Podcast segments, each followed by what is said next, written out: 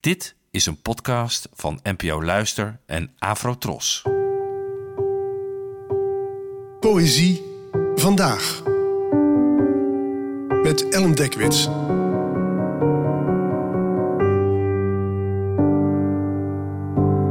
Hallo, fijn dat je luistert. Het gedichtfragment van vandaag werd geschreven door de Turkse dichter Nazim Hikmet, geboren in 1902 en gestorven in 1963. Het werd vertaald door Sietske Seuteman. Aan de oever zit een vrouw blootsvoets te huilen. En op het meer drijft een losgeraakt vissersscheepje, als een dood vogeltje op het water. Het drijft naar waar het water het voert, drijft af naar de bergen aan de overkant om te vergaan. Aan het meer van Isnik is de avond gevallen. De ruiters van de bergen met hun diepe stemmen hebben de keel doorgesneden van de zon en haar bloed in het meer laten stromen. Aan de oever zit een vrouw blootsvoets te huilen. De vrouw van de visser die vanwege een karper in het paleis in de ketens is geslagen. Een hoogtepunt uit de Turkse literatuur is Nazim Hikmet's Het Epos van Sheikh Bedreddin uit 1936. En deze tekst is deels poëzie en deels proza en vertelt over een boerenopstand eind 14e eeuw in Anatolië, geleid door Sheikh Bedreddin, een mysticus die de macht aan het volk wilde geven en daarvoor uiteindelijk aan de galg belandde. Zijn leven vertoont parallellen met dat van Hikmet die zelf vanwege zijn communistische overtuigingen een groot deel van zijn bestaan in zowel de gevangenis als in ballingschap doorbracht.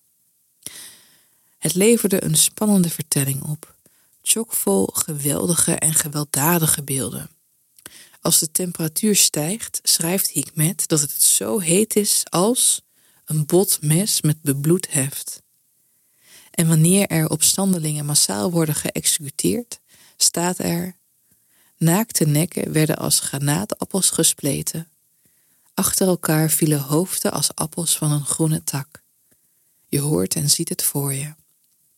En het is in Turkije jarenlang verboden geweest om deze dichter te lezen.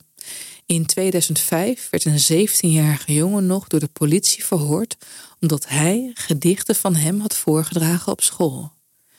Maar begin 2009 werd Hikmet opeens gerehabiliteerd. De toenmalige minister van Cultuur zei dat er weinig mensen zijn als Nazim Hikmet, die zo bijdragen aan de promotie van Turkije in de wereld. En zo werd een dichter, die een historisch persoon inzette ter promotie van zijn eigen ideologie, zelf ook weer als historisch persoon onderdeel van propaganda. Wat verder niets, en dat is het wonderlijke, afdoet aan de pracht van het epos dat hij schreef. Ja, Hikmet wil een punt maken waar hij het als lezer misschien niet mee eens bent. En ja, hij maakt van die historische sheik een geïdealiseerde leider. Zijn vertelling is in feite één groot verdwijnen. Maar wat een prachtige verdwijning is het.